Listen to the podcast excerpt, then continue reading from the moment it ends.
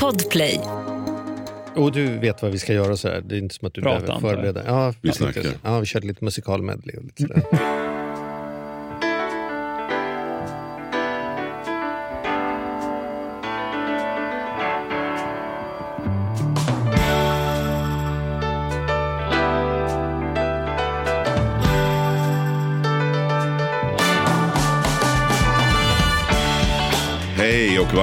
Hjärtligt välkomna till Ekonomi på riktigt med Charlie och Mattias. Så är det. Hur är läget? Oh, det är mycket bra. Blåste du bort på vägen hit eller? Nej, du Ja, kom i var- bil men det var Ja, jag, jädra jag, kul. jag hade tänkt att hoja därför att nu är det, har det blivit så slaskblött. Så, Hoja? alltså cykla då. Ja. Jag tänkte hoja i motorcykel. Alltså så här. Jaha, nej, jag ja. hojar. Nej, alltså, nej, men jag tänkte ta mig per, per cykel, Ja, per väl- el, väl- elcykel. velociped. Jag har ju också en sån här, jag ska inte hänga ut några varumärken, men jag har också en sån som man, man bara sätter sig och trycker på en knapp så gasar den iväg. En el, ett elfordon. Ja. Och så tänkte jag då, för jag kommer ju från Södermalm och vi sitter ju här på Görvelsgatan i Marieberg. För, Mm. Just det. för er som inte vet så är Åker det ni förbi där nu så kan ni vinka. Det kan ni där göra. sitter vi. Eller Mm. så satt vi där i alla fall. Ja. Och då ska man ta sig över Västerbron och där blåser det på ganska rejält. ja, även en vanlig dag. Även en vanlig dag. Ja. Så då, då kände jag så här, Västerbron nu, två plus blåst så in i helvete. Ja, Så då, då, då, nej, då fick det bli bilen helt just det. enkelt. Jag gick jag- hit för jag jag kände- vågade faktiskt inte cykla för jag tänkte jag kanske blåser av, Mm. av cykeln. Eh, Så att jag, jag gick hit. Men då var det två personer som liksom hade det där liksom det sketchartande ögonblicket att hattar blåste av och behövde jagas efter. Mm. Liksom så pass dåligt väder var det. Men då kan jag ju lugna mig med att om fem dagar sitter jag i Spanien och är, och är sen där i ett par veckor. Så att, eh, Mm. Ja, ja, sitta där det, bäst kan, det är bästa. Då kan man gotta sig i även när det är dåligt väder. Tänker jag. Men snart är det annorlunda. Ja, ja, du har ju en väderissue på ett helt annat sätt än vad jag har. Ja, Men, men det är klart att jag tycker, det, var, det har ju varit så vitt och fint också nu på, på landet. Mm. Och jag matar fåglarna och det finns ju inget finare än fågel, fågelhuset är fullproppat och det, det kvittrar och det är vitt ute. Och liksom, det, är, det är jättefint, det ska jag ge det och säga att Ja. då gillar jag också att vara ute i sol och sådär.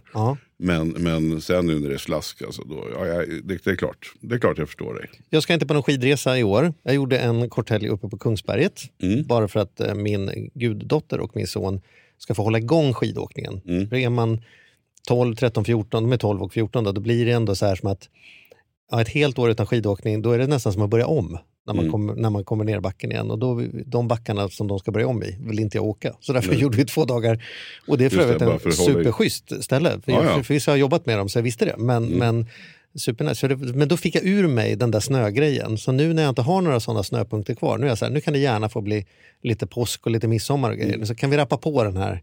Ja, nej, februari är ju inte det jag ser fram emot. Om det inte vore nu, för att jag, då måste jag lägga in lite Spanien. Ja, ja, Ja, så gör jag. hur mycket Spanien du vill. Ja, det var, det var vänligt. Tack. Ja. Ja. Vi har ju en favorit i repris hos oss här idag. Det är ju inte oklart eftersom har man man, ju- vet ju vad man har, har valt att lyssna på. Ja. Men, men det är en stor ära av många skäl för oss att ha Ludvig tillbaka. Så jag tycker vi bara rakt upp och ner säger varmt välkommen tillbaka. Ludvig Pettersson!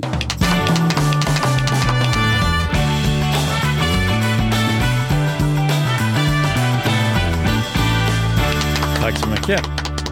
Hörru du, vi har ju haft en lång resa ihop. Ja, och, men jag sitter bara och funderar på, du sa på Kungsberget och jag som är från Gävle säger i Kungsberget. Det är otroligt intressant där med dialektalt, så jag fastnade helt och hållet där i introt. Du tänker att man ska... Ja, men när man åker skidor, då åker man väl skidor på berget? Fast du åker väl i Åre, eller åker Ja, på ja, man, Åre ja, också? precis. Ja. Det här var ju intressant. För man säger ju inte, jag har varit och åkt skidor på Åre. Nej, men på Åreskutan kanske man säger. Eller? Ja, jag vet inte. Ja, jag fast då är fundera. frågan om du är på berget eller om du är i anläggningen. I, i, I Kungsberget, då Ja. är du i anläggningen. Ja. Om du ska bestiga Kungsberget, då har du varit på. Vi, vi har ju en gemensam vän som är duktig på svenska språket, Ja. Rosenberg. Vi får fråga honom. Ja, det tror man inte när man hör honom, med den Nej. dialekten. Men då gör vi så här, om du lyssnar på detta och eh, jobbar i eller på Kungsberget, skicka ett meddelande till Charlie och Mattias gmail.com. Ja. Berätta för oss vad, om, om det är okej eller inte. Jag har ju goda vänner som bor på Limhamn, som är en, utanför Malmö. Och det är otroligt viktigt att de inte bor i Limhamn, utan en stadsdel heter på Limhamn, precis som man säger på Lidingö och sådana saker. Och du bor inte i Södermalm, du bor ju på Södermalm. ja, det är intressant. Mm. Jag har också en, eh, jag har också en, en, en svenska nörd, en, en magister som jag hänger med. Ja. en del. Jag ska fråga honom också. Ja. Och har ni andra frågor som kanske är lite mer av ekonomiskt intresse kanske, så kan man också skicka ett mejl till charlieochmattias.gmail.com. Så går det alldeles. Så eh, vi kommer ha mycket spännande saker som händer här i podden i år. Mm. Och eftersom det är, vi fortfarande är i, i januari nu då, så Mm. tycker vi att vi nyligen ändå har dragit igång. Och det vi kommer att göra är att eh, om ni har lite orättvisor eller om det är någonting som har hänt, eh, där något företag har gjort bort sig eller Mm. om det är saker så kommer vi att göra lite inte varje program, utan kanske var fjärde program. Lite granskande. Ja, beroende på vad, vi, vad vi får in. Veckans tistel hette den i tidningen va? Ja, precis. Ja. Veckans tistel. Men vi ska kolla upp om det är välgrundat eller om vi bara gnälliga eller om Ja, det finns en precis. poäng. Och... Vi ska testa lite. Men, men Ja, känner man någonting så så kan man då dra ett mejl till oss. Men nu, nu ska vi ta det avsnittet vi har idag först tänker jag. Ja, i och på. Det Ja. var ju det som det, Ja. där gästen själv får välja. Ja, Så men, men men vi har en lång resa. För det första har du varit med oss. som gäst, Och sen så har du varit en, en alldeles lysande sponsor, vilket vi är väldigt tacksamma för. ja, eller Save, Saveland har varit Ja, sponsor. Saveland. Det är inte, Ludvig har inte suttit och cashat. Jag hör mig själv säga så här, Saveland. Så sa vi så här, Saveland, inte som land utan som att låna. Ja. Ja. Ja, så är det när man gör radio, att liksom, man måste ju vara tydlig med stavningen i uttalet. Men sen har du också gått igenom en tuff personlig resa. Kan du inte berätta? Jo, men absolut. Det beror på hur långrandig vi ska bli där. Men eh, i korthet så fick jag testikelcancer för eh, ett och ett halvt år sedan nu, sommaren 2021. Direkt efter vår börsnotering. Och jag skulle ha min första semester på ja, men fem, sex år. Jag tänkte ta en vecka i Spanien. Men det var ju dumt så här i efterhand. Jag, jag gillar också så här, fem, sex år ska ta min första ledighet. Jag tänkte jag tar en vecka. Det säger någonting under den pressen som du har levt i fram till börsintroduktionen. Innan vi, en, en av anledningarna till att vi har använt som ursäkt för att träffas idag är att vi har världscancerdagen redan på lördag. Så det, det, det känns ju liksom bra att vi får prata med någon på insidan på det sättet och kan belysa den situationen. Men bara innan vi kommer dit, hur var resan från när vi skildes åt från att sitta här och säga Saveland varje vecka och prata om er och vara där på besök och sådana saker till börsintroduktionen. Det måste ju varit en jädra resa, inte bara för bolaget utan även för dig. Liksom. Ja, men det var en rätt stressig period för att det var så otroligt många inblandade. Allt från revisorer som skulle gå igenom varje minsta siffra. För det här var ju också direkt efter eh, det tyska bolaget Wirecard gick under och vi hade samma revisorer eller samma revisionsbyrå så de var lite extra rädda, kollade varenda siffra. Mm. Ingenting gick att lita på och liknande. Mm. Så att vi, det var, det är sådana gånger ganska skönt som vd när man kommer ut på andra sidan. För då är det så ganska, eller väldigt väl genomgånget och man kan själv ge sig en klapp på axeln. Bara, men allting står rätt till. Sen har du allting från eh, börsjuristerna till själva börsen, till pressen, till kunderna.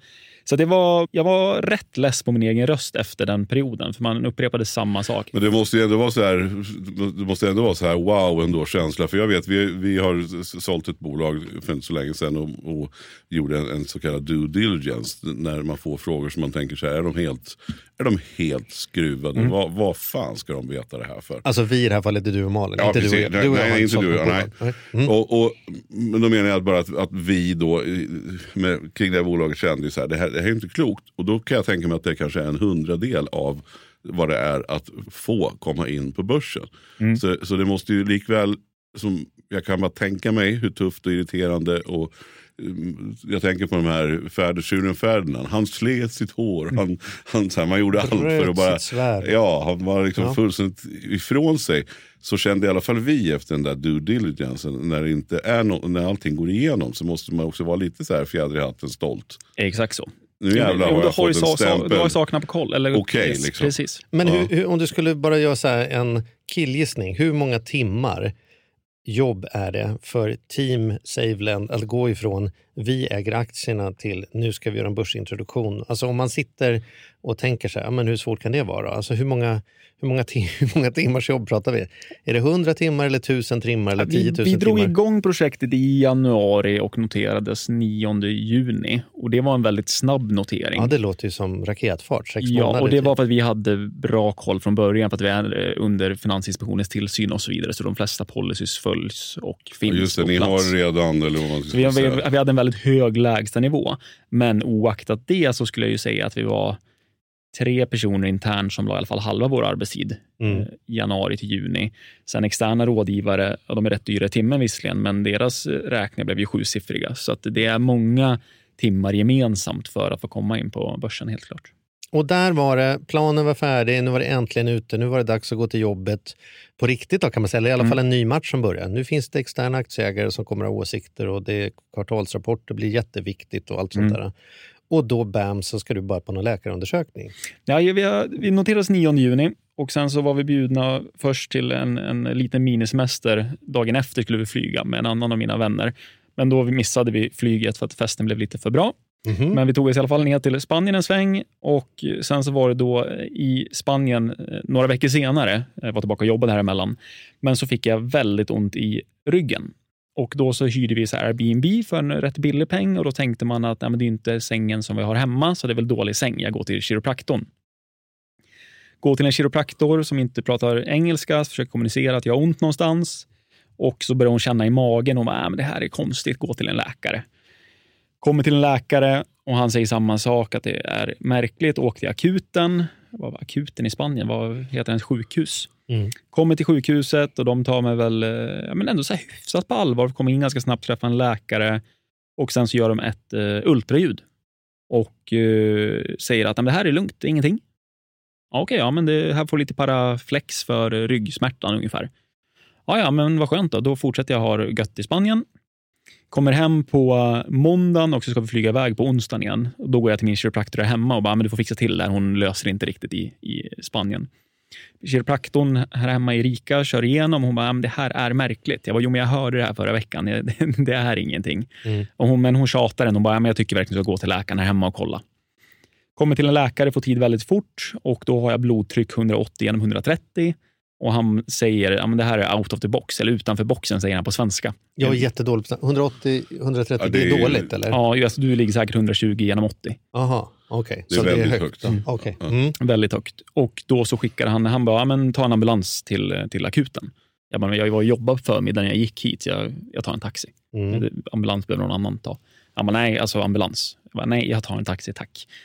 Kommer in till, till Sankt Görans sjukhus och eh, väl där går det ganska fort. Får göra röntgen och eh, sen så ligger jag och uppdaterar 1177 själv som man är dum och gör. Och då såg jag bara ja, men misstänkt diagnos eh, skelettcancer. Mm. Och sen en halvtimme senare så kommer eh, läkaren in och säger ja, jag har dåliga besked. Jag bara, jo, jag vet, men vad, vad innebär det här? Vad gör vi? Oj, oj. Och, och vad, känner, vad, alltså, vad, vad hände? Världen bara snurrar runt, Mm. tänker jag. Ja, men det, det var ganska... Mm, inte jättemörkt. Det, alltså, det, det, det var märkligt så här i efterhand hur man agerade. Ganska snabbt efter jag fått beskedet, så efter en kvart eller så, så mejlade jag vår advokat. För Saveness advokat, vi är ju noterade då. Och bara, jag har fått den här diagnosen, den är väl preliminär, men eh, är det någonting jag behöver tänka på när det gäller kommunikationen? Och hon, eh, Maria har ju efteråt berättat att det var ett av de märkligaste mejl hon fått. Men det var det i alla fall inte. Så då så, eh, det här var då måndagen, jag skulle flyga iväg till, till Italien med min eh, fästmö här efter. Och så när vi kommer och hon ska komma och hämta mig på sjukhuset, de har två vänner med sig i bilen. Jag bara, fan jag vill inte berätta det framför dem. Så då får jag hålla minen medan där och prata i bilen, skämta och skratta. Och, Ah, ja, det, det, var, det, var, det var rätt jobbigt. Sen så kommer vi hem på kvällen och så kommer jag ihåg att jag bara, äh, det blir inget Italien. Och sen så bröt jag ihop. Mm. Och det, det var en väldigt jobbig kväll, för då var det skelettcancer och den eh, prognosen är inte jätterolig att ha. Ja, det, är, det är inte så många procent som klarar det. Nej, den, den 50-50 någonstans där, Ja. lite beroende på hur den sitter. Jag har faktiskt en kompis som har gått igenom det och klarat, fått Okej, fantastiskt. ja, då ska inte jag sitta att- Men, ja. Ja, nej, men som nu är frisk sedan något år tillbaka, som, Mm. som hade den diagnosen. Så de är oerhört skickliga idag. Mm. Vad gjorde att de kom på att inte vara där? Ja, då, när jag satt i bilen så ringde läkaren. Bara, har du åkt hem? För vi vill, vi vill kolla lite fler prover och även köra ultraljud på testikeln. Jaha, vad har det här med någonting att göra? Men då sa han, nej, men det, kan, det skulle kunna vara det och det är bra om det är det. Så jag får åka tillbaka till sjukhuset dagen efter och då ligger jag inkallad till, till någon, en läkare, byxorna neddragna, en kvinnlig läkare som har en läkarstudent med sig såklart. Och så, Alltid. Såklart. ja, och så kör hon. Hon bara, vi ska köra ultraljud här och eh, vi vill hitta någonting. Jag bara, ja, du kommer hitta testikeln förhoppningsvis i alla fall, men vad mer? Hon Mm. bara, nej men att det ska vara testikelcancer. Och det här var innan jag visste någonting vad cancer innebar. Jag bara, jaha, varför det? Hon bara, med mycket bättre prognos. Mhm. Och så gick det några sekunder. Hon bara, ja, men det här är bra. Vi hittade någonting. Jaha. Och sen så efter det så blev jag skickad till någon, någon avdelning och då började hela sjukhusapparaten ändå ta fart. Och det måste jag säga, det är, den var väldigt effektiv. Det här var tisdagen. Jag tror att jag, eller jag opererades på torsdagen första gången. Så att, Ja, det är fantastiskt. Och då tog man bort ena testikeln. Då. Och sen så var det in på börja cellgifter och hela det spåret. Men ska man säga, det är konstigt att säga det i sammanhanget, men fanns det liksom tur för dig eller något värde för dig att du liksom åkte hem med en felaktig, värre diagnos och sen så liksom inom någon dag fick en lättnad. Liksom. Alltså förstår du, att i jämförelse med vart det mörkret du var så var ändå, blev du plötsligt lite bättre? Ja, eller jag- var det bara allmänt kaos? Ja, men jag, jag funderar både på den sekvensen men också i Spanien. För då var jag med, med grabbarna i, på en så här ordentlig grabbresa. Och det här var på tisdagen då vi skulle vara kvar till söndagen. Det var ganska skönt att ha den veckan och kunna leva på det under hela hösten istället för att dag två med grabbarna bara, "Nej, jag har fått cancer i Spanien, jag sätter mig på ett flyg hem nu några timmar. Mm, Så den tror jag var, ja, den är jag ganska glad för efterhand. mm, Och sen steg två så är det så här, ja men det är klart att det, det blev mycket bättre. Det gick från 50 procent någonstans till 95-97 vad jag trodde då i början mm. i en femårs eh, prognos. Så att, ja, men jag, jag tror ändå att det är det kan vara bra när det är åt det hållet och inte tvärtom i alla fall. Men nu sen då, gick fort där berättade du då. Men, men vart är vi nu någonstans då i tid? Det här är Nu, nu är vi i juli 2021 och då så gick jag in på en eh, cellgiftskur som heter BEP, som är tre olika cellgifter. Och då kör man den i 21 dagars intervall så att du får behandling i fem dagar, sen får du en spruta dag 14 och sen så börjar du om dag 21 igen. Och så kör du så tre cykler. Efter det här så skulle jag, visste jag att jag skulle opereras på förhand, för jag hade, det hade spridit sig en metastas till magen som var stor som en apelsin ungefär. 11 gånger 9 gånger 7 centimeter och den låg också och tryckte på, på vena cava. Ehm, vad är det på svenska? då? Eh, Hålvenen. Mm. Så att det gjorde också förmodligen en del av blodtrycket, för att den hade lite Och svårare. det var också det hon kände som kändes konstigt. Exakt, hon kände det som, en- som en apelsin. Det var som att hade jag haft magrutor så var den översta till höger var stenhård. så det, var- det var det märkligaste av allt. Att nu Fast man, alla har magrutor, det är bara frågan om de syns. Ja, och om de är hårda. Mm. Nej, men så, så då gick jag in i operationen här i oktober 2021 och eh, den gick inte riktigt som den skulle kan man säga. De fick inte bort, eh, dels var själva tumören var inte helt död, vilket den, eh, man hoppades skulle vara av cellgifterna. Dels så fick de inte bort ett... Eh, när, när man tar bort den tumören så tar man också bort området runt omkring och sen så mäter man utanför det här området för att se att det inte är någonting aktivt i det. Men här fick man inte bort tillräckligt mycket runt omkring. Så att det var fortfarande aktivt utanför, vilket ledde mig in på mer cellgifter. Mm. Hade det liksom varit grönt på den operationen så hade det förmodligen mitt sista år sett väldigt annorlunda ut. Mm. Alltså, hur och var, så då har hur det var blivit det- nya operationer. Yes. Och nu säga. är, du på, nu är du på ett bra ställe på Ja, vi, vi kan, eh, om vi fortsätter bara där, för att det blir väldigt detaljerat visserligen hur, hur det går till. Men då gick jag in på två nya cellgifter som heter eh, PEI.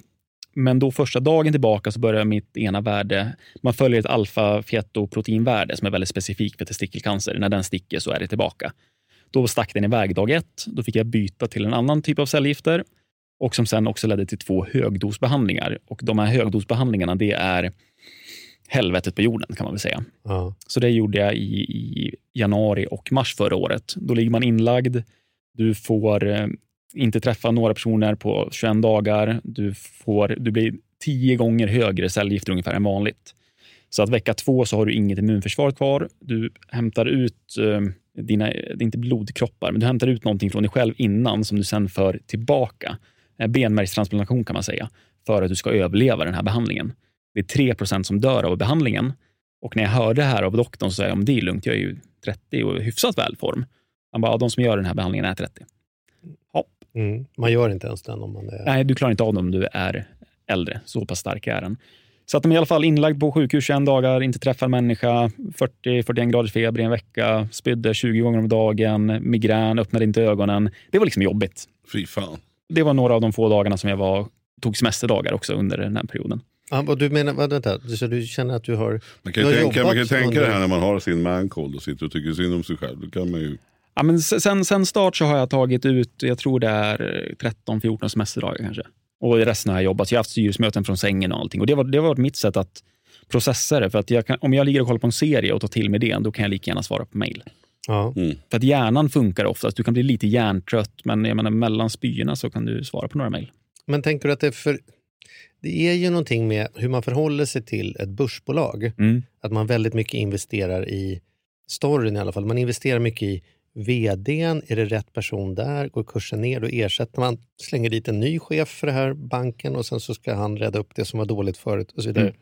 Det måste ju vara, kännas som en oerhörd press på dina axlar att behöva vara den där handlingskraftiga vdn och dessutom visa upp det utåt att det är ingen fara. Medan på insidan måste du förstås själv skrika att jag, jag har ingen jävla aning om det är någon fara eller inte. Jag kräks 20 gånger om dagen och sen samtidigt ska jag liksom inför kvartalsrapporten vara nej men det här är bara lite, nej men det här är som ett 97% överlever, det. vi kör på här och det ska bli kul att komma tillbaka och träffa alla på kontor. Alltså förstår du? Ja, det där precis. dubbelspelet, kände du all, Det var kände- ganska skönt för att direkt när det hände då i, i Q2 2021, eller i Q3, när vi släppte den Q2-rapporten så gick jag ut i den och eh, sa att jag har blivit diagnostiserad.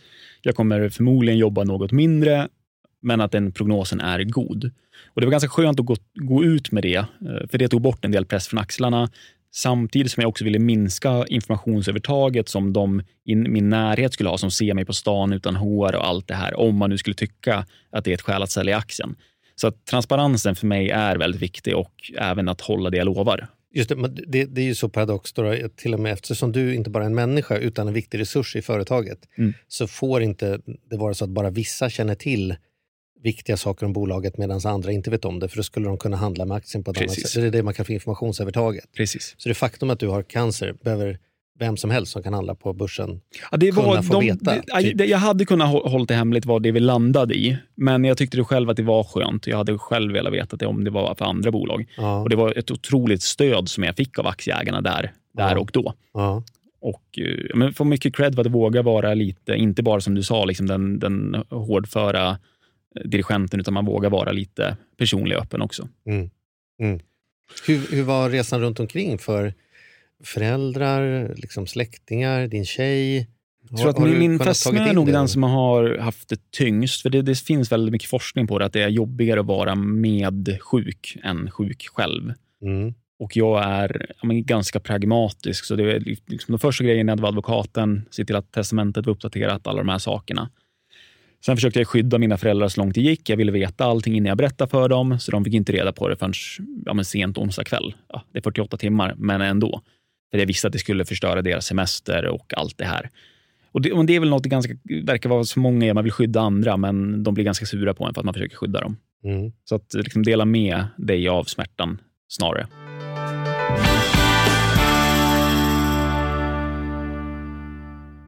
Den här podden gör vi även den här veckan i samarbete med Saveland. Fan Mm. vad kul det är att ha dem med ombord. Mm. Jätte, jätteroligt. Ja, vi brukar ju prata om att man har något band som man såg jag stod Bo Kaspers jädrigt tidigt liksom, innan man gjort tv-debut och du har något hårdrocksband som du var jävligt tidig på. Ja, alltså jag var på, på Lilla Teatern Göta Lejon och såg Metallica Ja. 1984. Så gammal är jag. Och jag var i kontakt med Saveland när det fortfarande var typ tre, fyra personer där från Mm. början. När jag fick möjlighet att träffa dem. Eh, och nu är de ett stort bolag, fyller tio år, finns på börsen och jobbar helt enkelt med att vanliga privatpersoner och företag kan investera pengar eh, i eh, lån och krediter. Mm. Så man får riktigt bra ränta. Så eh, det rullar på efter tio år, bättre än någonsin. Fantastiskt kul att ha dem med här i podden. Mm. Gå in, testa, kolla. Vi har en kod som gör att om du öppnar ett konto och använder på riktigt får du dessutom en insättningsbonus just nu. Precis, och vill man veta mer så som sagt gå in på saveland.se. Man kan också lyssna på Ludvig som har varit gäst i vår podd två gånger. Får Ja. man en ännu bättre inblick i Ja. vad, vad det är de pysslar med egentligen. Men eh, ja, saveland.se och stort tack. Ett poddtips från Podplay. I podden Något Kaiko garanterar östgötarna Brutti och jag, Davva, dig en stor dos skratt. Där följer jag pladask för köttätandet igen. Man är lite som en jävla vampyr. Man har fått lite blodsmak och då måste man ha mer. Udda spaningar, fängslande anekdoter och en och annan arg rant. Jag måste ha mitt kaffe på morgonen för annars är jag ingen trevlig människa. Då är du ingen trevlig människa, punkt. Något Kaiko, hör du på Podplay. Därför är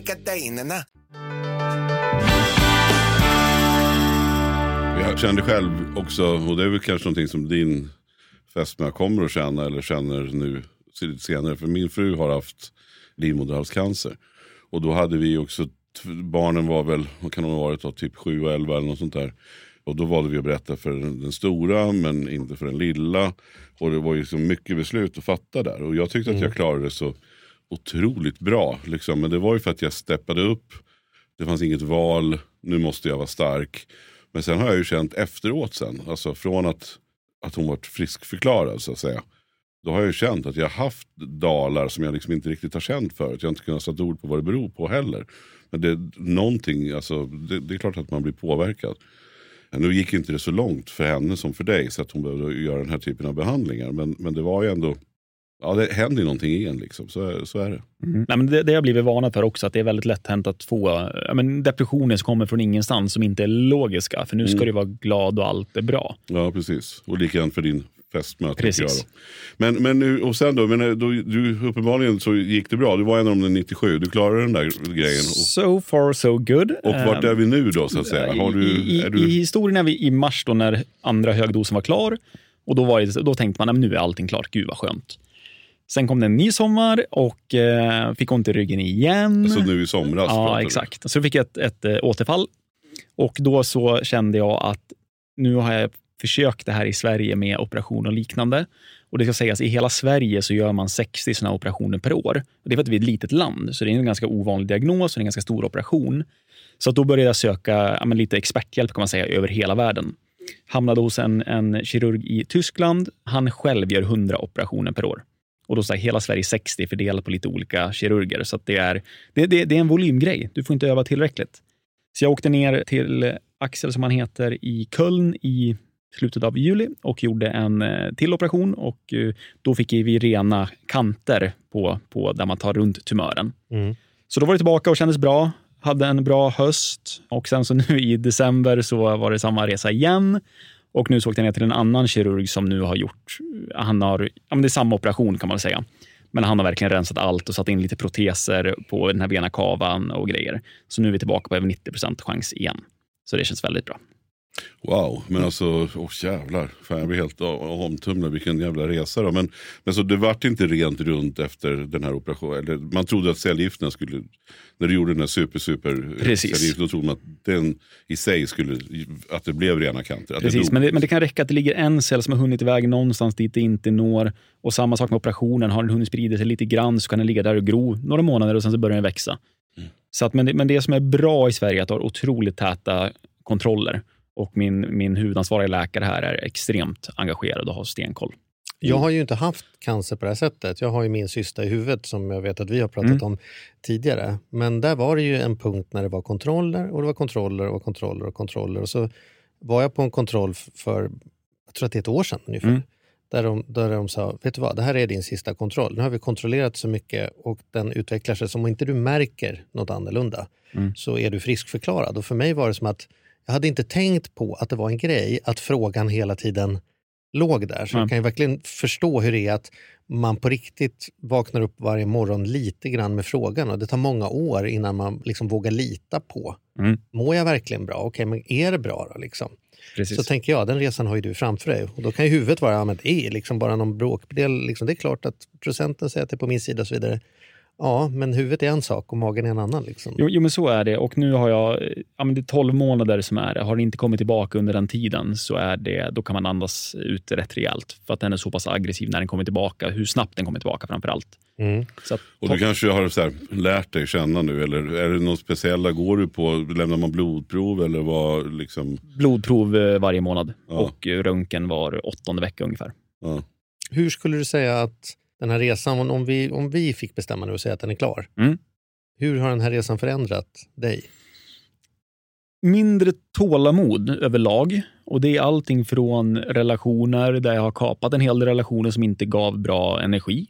Jag är mycket rakare i min kommunikation och lindar inte in saker på samma sätt. Jag, jag tycker rätt mycket saker är ointressanta och oviktiga som tidigare fick ta mycket tid och energi. Ja. Du har liksom sorterat bort lite skval och bullshit som är som säger, jag, jag vet inte hur länge jag lever, jag kan inte sitta här och engagera mig i den här Nej, frågan. men, nej, men det är lite så. I början när jag fick diagnosen så hade jag en god vän som gick igenom det för 15 år sedan och han sa att nej, men det är det bästa som hänt mig. Mm. Och han, det kommer du känna när du, när du är klar med allting. Och, och jag börjar förstå vad han menar. Vad har det betytt för din relation till de som är kvar? Nära och kära? Som, hur är det? Betydligt bättre och djupare. Så att jag, innan det här så var jag rätt kall och väldigt karriärsfokuserad.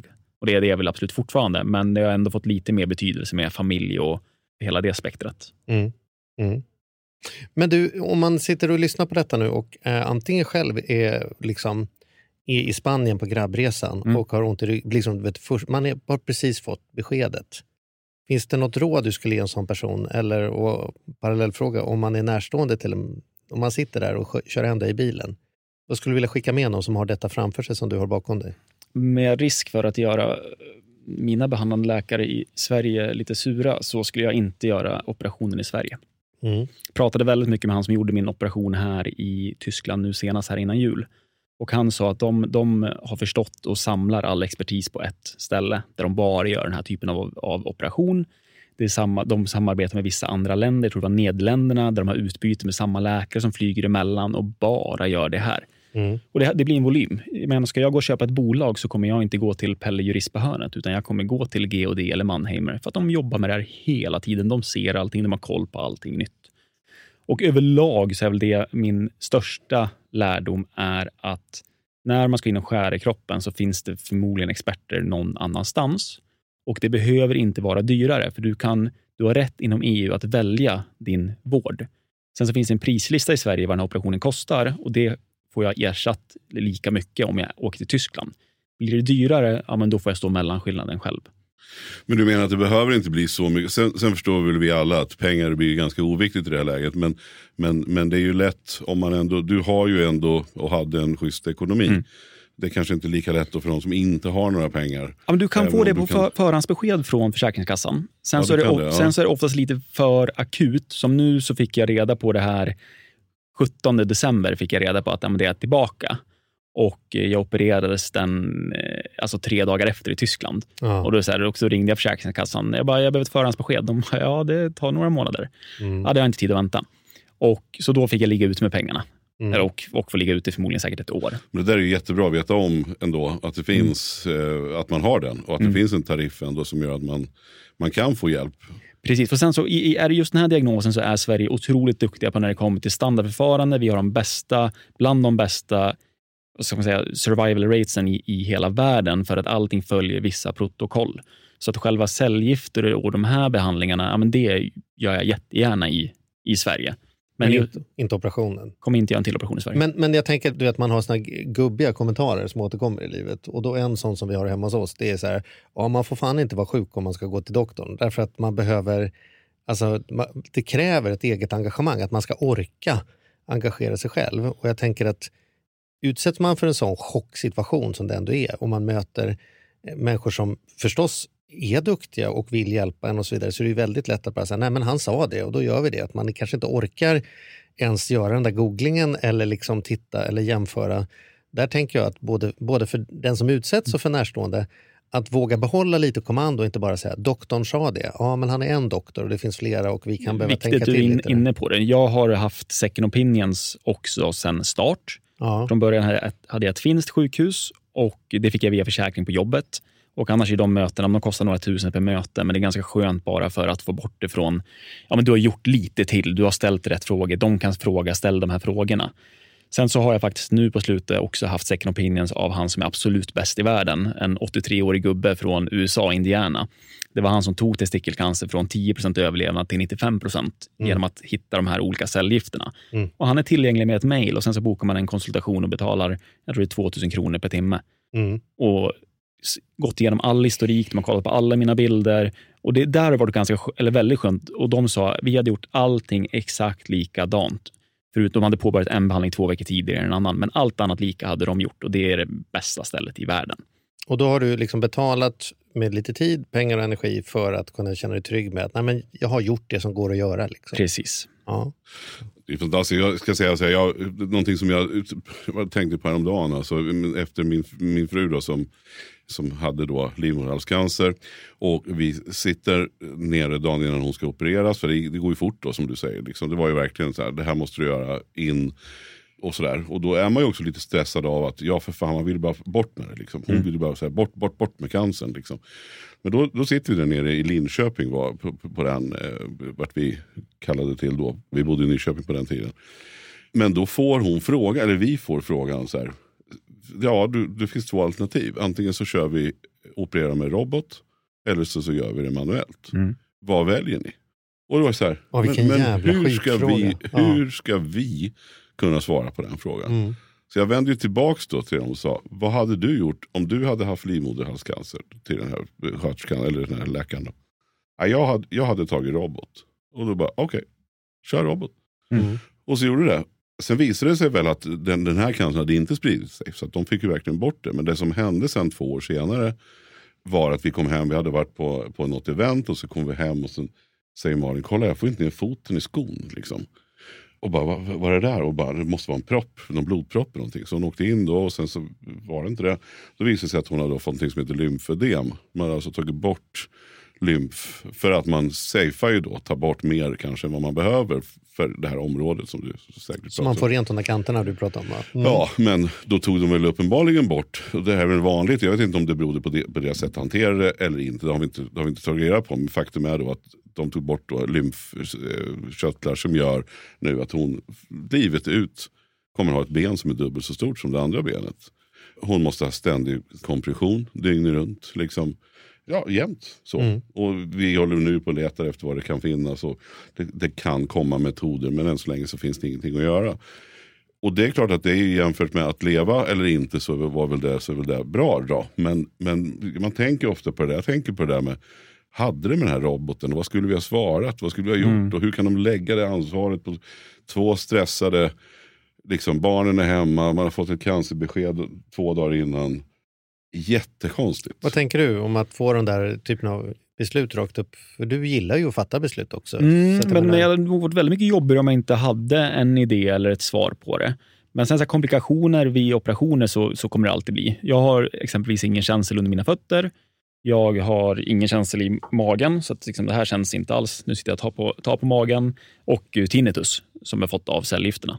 Men det är så här, jag, jag tror att mycket handlar också om, ja, men det är som, som du säger, att ja, men jag väljer att leva och inte tänka på att det är det skulle kunna vara jobbigt att leva med det här.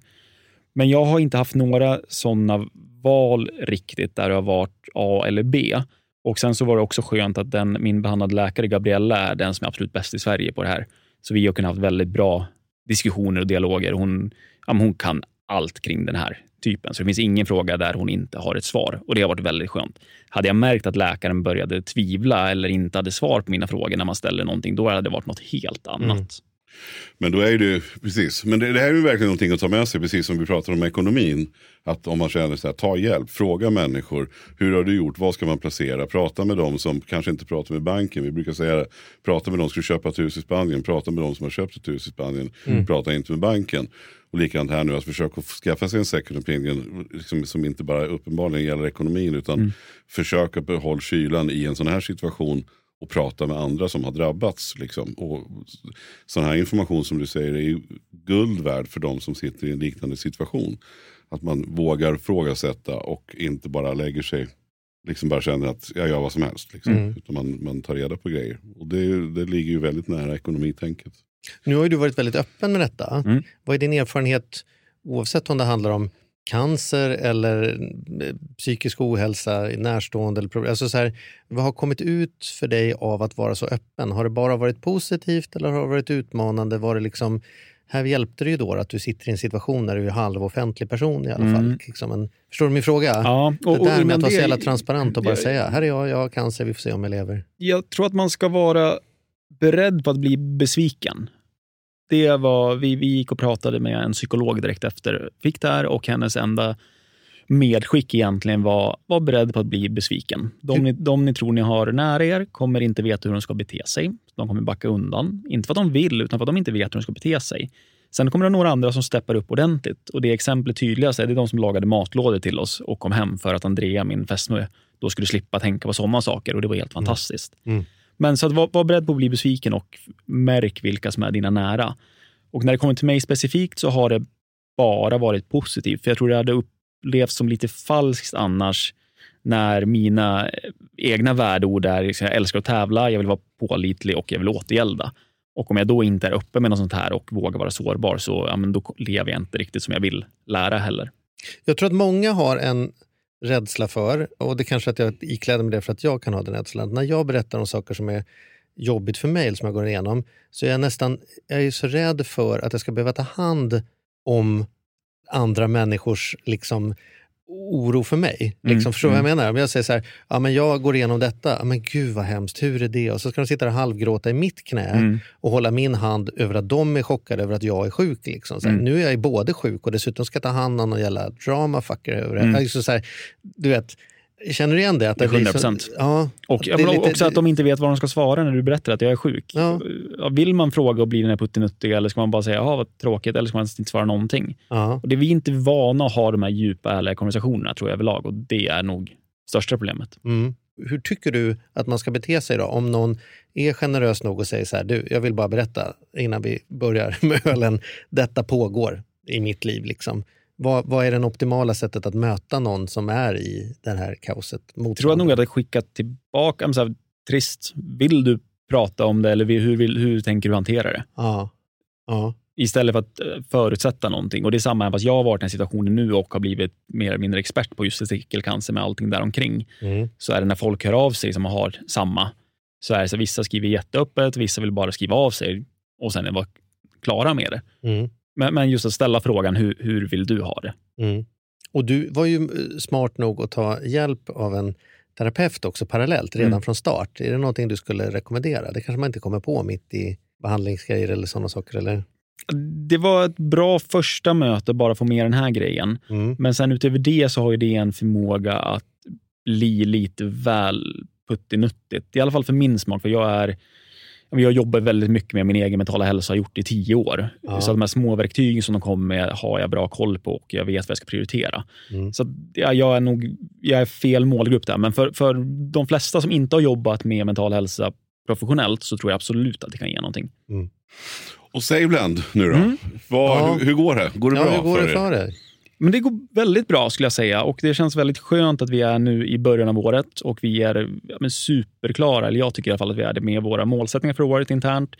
Vi har haft alla startmöten med ledningsgruppen, med alla som har rapporterande personal till sig, satt riktlinjerna och satt målbilden. Mm. Och det bruk, vi brukar inte vara klara eller redo så här tidigt, utan det brukar dra några veckor till, eller kanske in i februari. Men i år så satte vi bara att nej, men nu Det ska är vi för att du inte orkar med skitsnacket längre och bara bam, bam, nu kör vi på här. Lite så kan det vara. Ja, och ja. även för att jag vill göra mig själv onödig. Det, jag jag Mm. har strävat efter det väldigt länge, att jag ska inte behöva vara på plats för att det ska hända saker. Och jag tyckte och upplevde när jag var borta och jobbade distans en hel del under förra våren, när jag inte hade något immunförsvar, att det gick lite för sakta. Och det har även anställda sagt att ja, men det togs inga beslut. Det blev bara diskussion, diskussion, diskussion.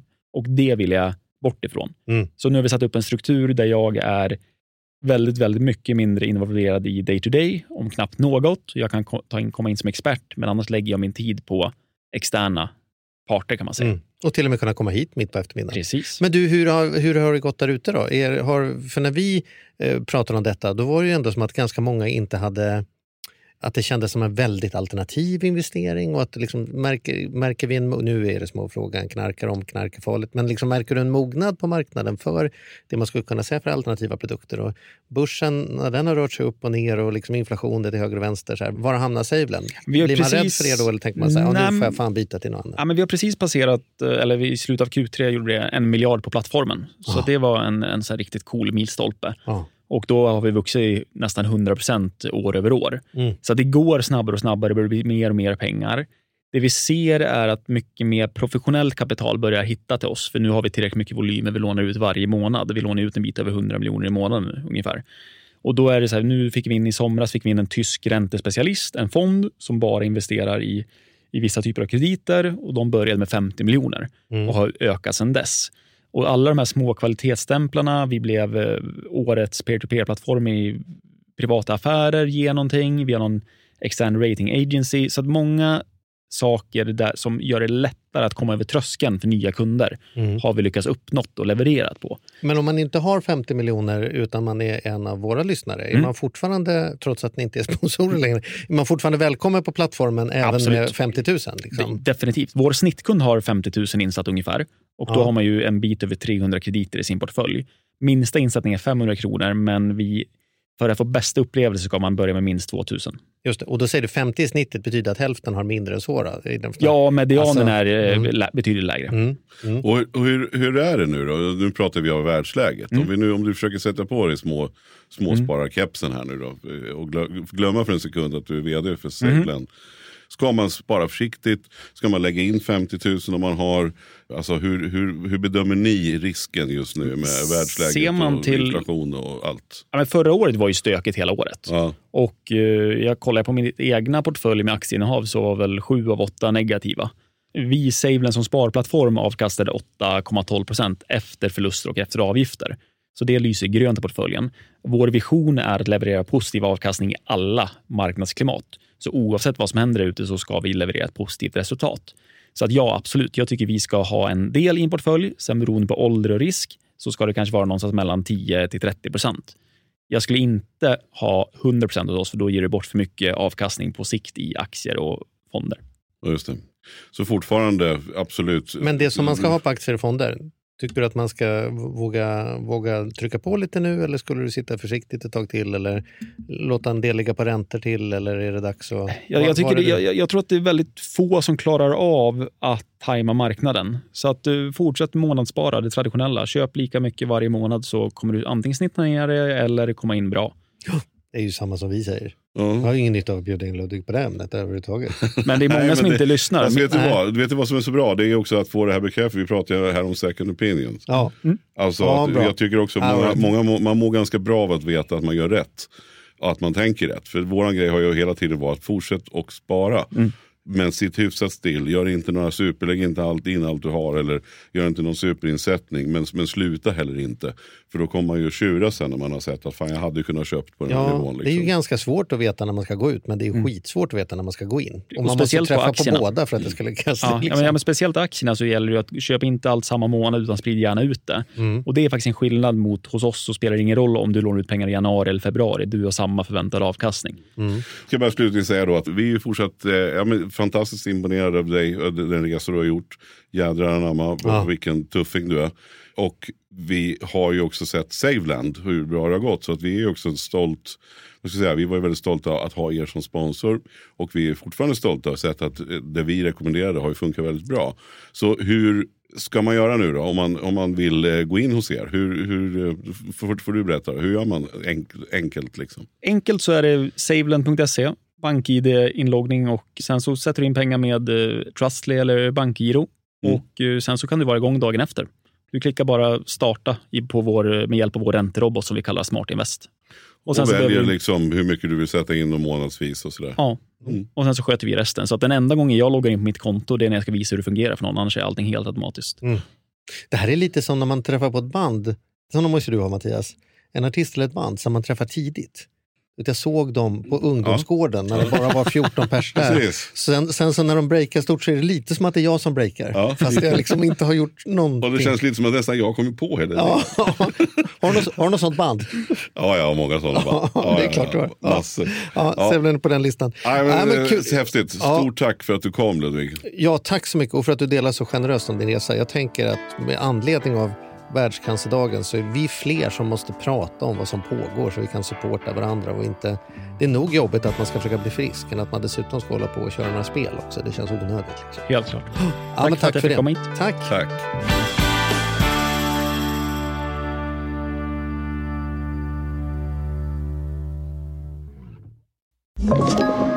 Podplay.